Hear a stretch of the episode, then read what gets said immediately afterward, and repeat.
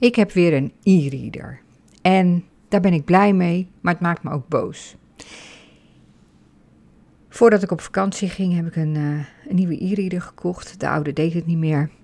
En ik heb ook een uh, Kobo abonnement, waardoor je eindeloos veel boeken kan bestellen in, in een maand.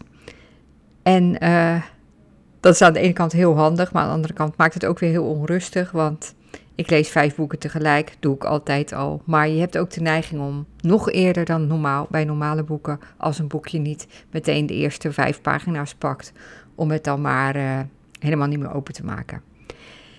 Nou, dat zijn zo uh, de uh, huistuin- en keuken dingetjes waar ik mee zit. Ik ben blij met de e-reader, zoals ik al zei, want ik lees meer. Hoera, hoera, hoera. Het kan altijd nog meer. Um, kan soms met heimwee nog terugdenken aan vroeger, toen ik als klein meisje twee keer op een dag naar de bibliotheek ging om een nieuw boek te halen. Um, van al mijn zakgeld nieuwe boeken kocht. Altijd blij was als we bij mijn opa en oma waren geweest, omdat ik dan weer uit de oude boekenkast daar weer hele mooie boeken had uh, meegekregen. En ja, ik ben het een beetje kwijtgeraakt. Ik ben nog een tijdje lid geweest van een hele leuke boekenclub. Maar daar ben ik ook mee gestopt, omdat ik steeds merkte dat ik het boek of niet uitkreeg, of de laatste dag nog helemaal uh, van alles moest gaan lezen. En dan, ja, ik las natuurlijk ook boeken die me niet echt konden boeien. En ze waren ook te dik. Daarom noemde ik het ook de dikke boekenclub. Al die boeken waren allemaal heel erg dik. Maar goed, uh, ik ben wel vijf of zes jaar of zo heb ik het gedaan. Dus ik vond het wel heel erg leuk. En misschien zit ook in mijn systeem dat het daarna ook weer over is. Maar goed, waarom maakt die e-reader me boos? Nou, dat komt omdat ik nu een boek aan het lezen ben. Dat heet Secret, Secret, helemaal geen Secret. Sacred Woman. Het is van Cara Lawrence. En het begint eigenlijk met de geschiedenis van de vrouwen.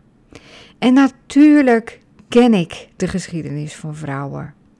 Natuurlijk weet ik hoe het allemaal zit.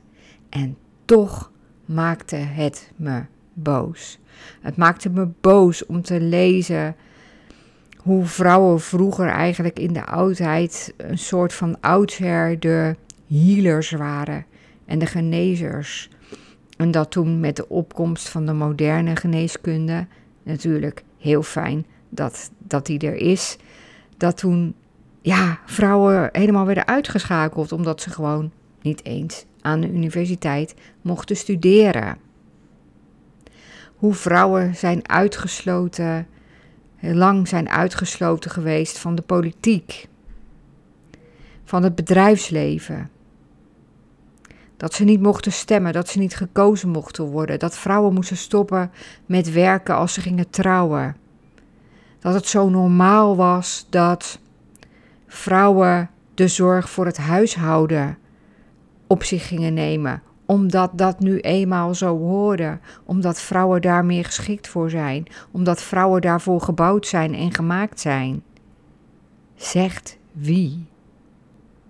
In dat boek schrijft ze dat dat ook een, een opinie is van de patriarcha, patri, patriarchale meningen inzichten, dat wij daarmee zijn grootgebracht, maar dat vroeger, helemaal vroeger, de taken veel meer gelijk werden verdeeld. Ik werd er boos over, maar ik werd er, ik werd er boos over namens alle vrouwen die me zijn voorgegaan. Namens mijn moeder, die, nou, mijn oma, die wel auto reed. Dat vond ik heel stoer. Maar natuurlijk verder ook gewoon vooral voor haar kinderen zorgde. En mijn andere oma ook. De een had zeven en de ander had zes kinderen. Uh, moet ik even denken aan mijn ene oma die uh, twee weken na de geboorte van haar zevende kind is overleden.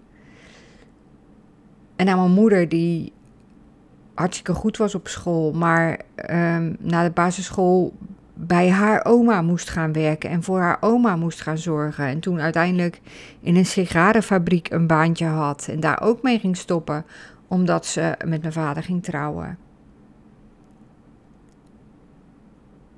En nogmaals, we weten het allemaal, maar ineens door het lezen van dat boek drong het weer zo tot me door. En het maakte me boos omdat het natuurlijk nog niet over is. Omdat het nog steeds zo is dat vrouwen ondervertegenwoordigd zijn in de leiding van bedrijven, in de politiek. Dat ons land wordt bestuurd door mannen in grijze en blauwe en zwarte pakken. Dat de wereld wordt bestuurd door vooral mannen in grijze, blauwe en zwarte pakken. Dat bedrijven daar worden bestuurd. Dat de meeste artsen in ziekenhuizen mannen zijn en de vrouwenverpleegkundigen. Dat de meeste piloten mannen zijn en de vrouwen het eten serveren in het vliegtuig. Het roept ook iets persoonlijks bij me op. Niet alleen omdat ik twee dochters heb van wie ik weet dat zij nog steeds minder kansen hebben dan mannen van hun leeftijd, de jongen van hun, jongens van hun leeftijd. En dat vrouwen nog steeds minder betaald worden. Maar het roept ook een soort boosheid in me op, omdat bijvoorbeeld het zo normaal is dat vrouwen meer in het huishouden doen. En dat zal niet bij iedereen gelden. En misschien als jij luistert, dat je zegt: waar heb je het over? Wij hebben het allemaal keurig verdeeld. Super, super, super. Blij, blij, blij. Maar ik merk nog steeds dat van vrouwen toch, de meeste vrouwen toch beter weten hoe de wasmachine werkt dan mannen. En dat als iemand komt, dat het toch logisch is dat je als vrouw zegt van wil je nog wat drinken of uh, de hapjes aan het klaarmaken bent. Ik ben zelf totaal ongeschikt voor het huishouden. Ik vind er geen bal aan. Echt. Ik zeg altijd tegen mijn kinderen en tegen mijn man: jullie hebben het echt slecht met mij getroffen, want ik hou er gewoon niet van. Ik kan het wel. Ik kan wel koken en de was doen en de was ophangen en strijken. Dat doe ik nooit. Die andere dingen doe ik dan wel. En ik ruim ook altijd op voordat de hulp kwam. Ik heb al in, in 19, in, toen ik 24 was, kocht ik mijn eigen appartement. En sindsdien heb ik al iemand die schoonmaakt, gelukkig. ik moet er niet aan denken om dat zelf te doen. Ik ben er gewoon niet voor geschikt. Ik vind het niet leuk. Als ik naar Downton Abbey keek, die, die serie over die Engelse familie in dat kasteel dan zag ik al die bedienden en al dat personeel maar de hele tijd rondrennen en vegen en, en, en, en, en koken en bakken. En, dan dacht ik altijd, ja, ik had in dat kasteel moeten wonen. In dat kasteel, daar pas ik. En wat gebeurt er? Gisteravond, mijn vader was jarig en mijn moeder vertelt dat haar jongste broer de ehm, ehm, stamboom van haar familie heeft uitgezocht. En dat onze familie, mijn moeder heet Van de Haar, ehm, het kasteel De Haar bezat. Nou, zie het, het is niet voor niks dat ik me een koning, koningin voel in het diepste van mijn gedachten. Oh nee, koningen wonen, in paleis, hè? Nou ja, een kasteelvrouwen. Echt, kan geen toeval zijn. Maar dat geheel terzijde. Ik schreef uh, jaren geleden een boek over opvoeding naar aanleiding van een website, die web, weblog dat ik had, De Werkende Moeder. Ik heb al keer verteld, maar ja, misschien heb jij het nog nooit gehoord. En ook omdat ik um, toen ik moeder werd me nog zo verbaasde over alle ja, problemen en moeilijkheden en meningen die er hingen rondom het werkende moeder zijn. Toen onze oudste werd geboren, werkte ik nog vijf dagen, mijn man vier. En later ben ik ook vier dagen gaan werken. Maar dat was al raar. En ik had een leidinggevende functie bij de krant, maar sommigen vonden eigenlijk dat je dat ook niet kon doen als je vier dagen werkte. Echt raar. En ik merk dat er nu, ik ga best wel veel om met jongere mensen. En ik zie gewoon dat die problemen, moeilijkheden, meningen, discussies, dat lastige van al die ballen hoog houden en zo. Hoe heet, je, hoe heet dat ook weer? Alle ballen in de lucht houden. Dat dat allemaal nog steeds, allemaal nog steeds speelt. En het is natuurlijk helemaal prima als jij wel van het huishouden houdt. En als jij een vrouw bent die parttime wil werken. En als jij de meeste dingen thuis doet en als jij heel zorgzaam bent en wel voelt van ja, dit past heel erg bij mij, dat is heel erg prima. Maar dat het zo opgelegd wordt van, van bovenaf, daar heb ik moeite mee. Dat het regels zijn die ook ooit iemand maar heeft bedacht en waar we ons met z'n allen aan confirmeren. Hoe heet dat ook alweer? Dat. Je weet wat ik bedoel. Uh, terwijl ik het ons allemaal zo zou gunnen om onze eigen weg te kunnen mogen gaan. Het is nog steeds zo dat als je uit een bepaalde klasse komt, dat je dan toch een andere start hebt. Als je een bepaalde achtergrond hebt, dat je dan een andere start hebt. Dat, moet ook even denken aan het Pygmedia-effect, heet dat. Dat leerkrachten, en eigenlijk wij allemaal, daar zijn allerlei psychologische onderzoeken naar gedaan. Ik zal het even goed uitleggen. Ik begin even opnieuw nu over dit onderzoek van Pygmelia-effect. Uh, ik denk Pygmelia, het kan ook iets anders heten. Ik ben even deze ronde niet zo helemaal precies in namen. Maar daar hebben ze dus een onderzoek gedaan. Ze hadden van alle leerlingen van een klas of meerdere klassen uh, het IQ gemeten. En vervolgens hadden ze tegen de leerkrachten verteld welke kinderen het slimst waren, het best konden leren. En aan het eind van het schooljaar bleken die kinderen ook de meeste progressie te hebben geboekt. Nu denk je waarschijnlijk, ja, hmm, dit is toch geen bijzondere uitkomst, had ik wel verwacht. Maar wat hadden ze gedaan? Ze hadden willekeurig kinderen uitgekozen en van die kinderen over die kinderen tegen de leerkrachten gezegd dat zij het hoogste IQ hadden. Dat was niet zo, die kinderen waren random gekozen. Maar automatisch gaven die leerkrachten deze kinderen meer aandacht, betere feedback, extra oefeningen, um, uitdagendere vragen. Ze kregen meer, ja, meer aandacht. En daardoor groeiden zij dus harder, ontwikkelden zij zich beter. En ze hebben dat ook, uh, datzelfde onderzoek, hetzelfde soort onderzoek gedaan met een proef met ratten en studenten. Uh, het ging over ratten die moesten eten. En, of ik weet niet meer precies, maar in elk geval, tegen de ene groep studenten werd gezegd: dit zijn slimme ratten. En tegen die andere groep werd gezegd: dit zijn geen slimme ratten. En de groep met de slimste ratten hadden de beste resultaten. En er was natuurlijk helemaal geen onderscheid tussen slimme en, en, en niet slimme ratten. We zijn automatisch geneigd om mensen van wie we denken dat ze ergens al goed in zijn, nog meer aandacht te geven is natuurlijk een heel belangrijk verschijnsel om je bewust van te zijn. Jij, misschien ben je coach en heb je klanten. Welke klanten geef jij onbewust meer aandacht? En welke klanten niet? Waardoor de mensen die al goed waren, nog veel beter worden en de anderen een beetje achterblijven. Ja, ik vond dat echt een eye-opener om, om, om dat te weten. Dus ook met kinderen zo, met je eigen kinderen, op sportclubs. Volgens mij is het zo belangrijk dat we ons daarvan bewust zijn. En nou ja, ook voor de hele maatschappij. Want ja, er zijn ook nog onderzoeken die, ja, zoveel onderzoeken die uitwijzen dat kinderen uit achterstandswijken of uit middengoede wijk of uit arbeidersklassen gewoon minder snel hoger onderwijs doen. Hoewel dat volgens mij nu wel, ja, ik heb een beetje het idee dat nu ehm, heel veel mensen hoger onderwijs doen. Veel meer dan vroeger. Dat MBO wordt natuurlijk een beetje. Uh, krijgt niet de aandacht en zo en de credits die ze verdienen, volgens mij. Maar, nou ja, je snapt wat ik bedoel. Um,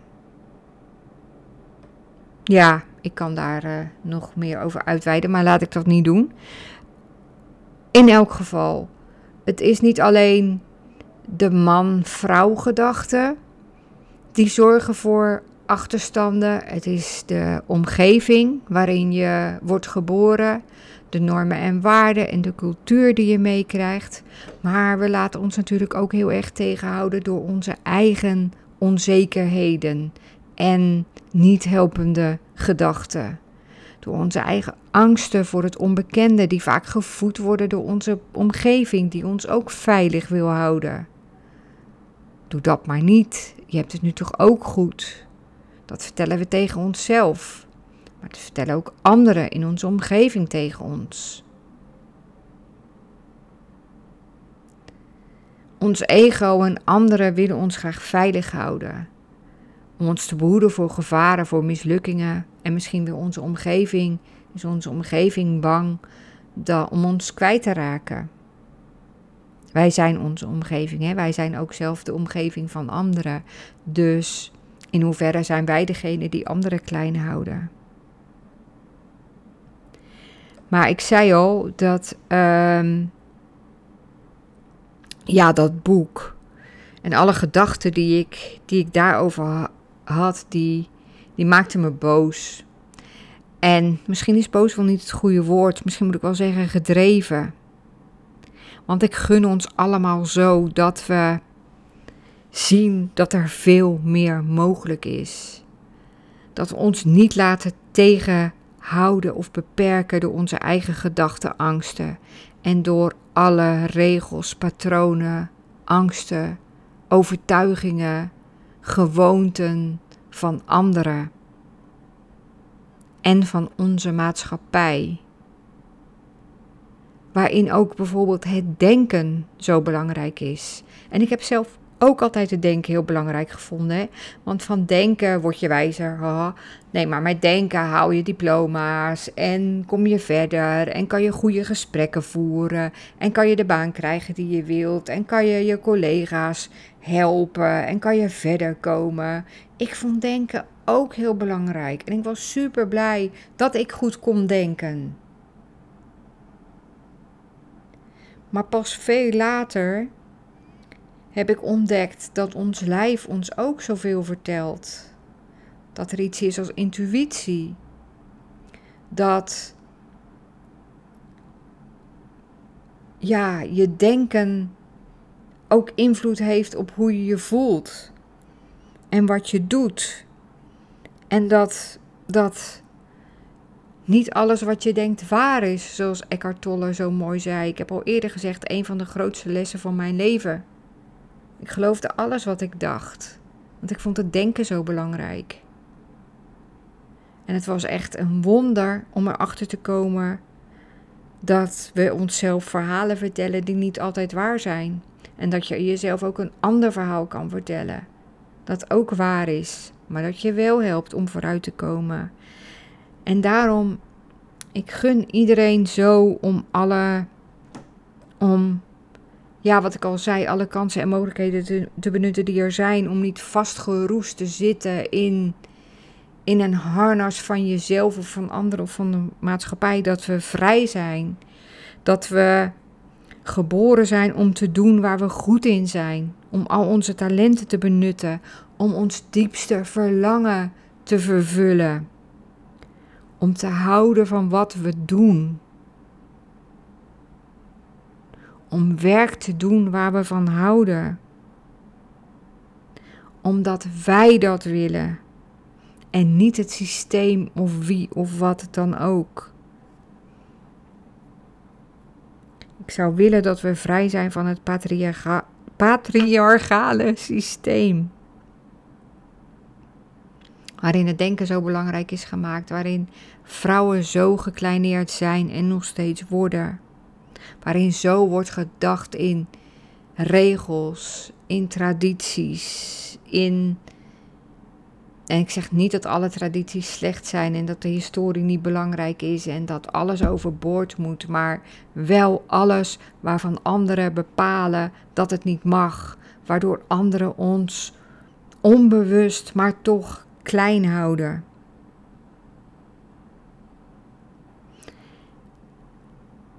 Dat we niet meer denken in regels en klassen en zo. Dat we ons niet meer laten tegenhouden daardoor, door anderen of door onszelf.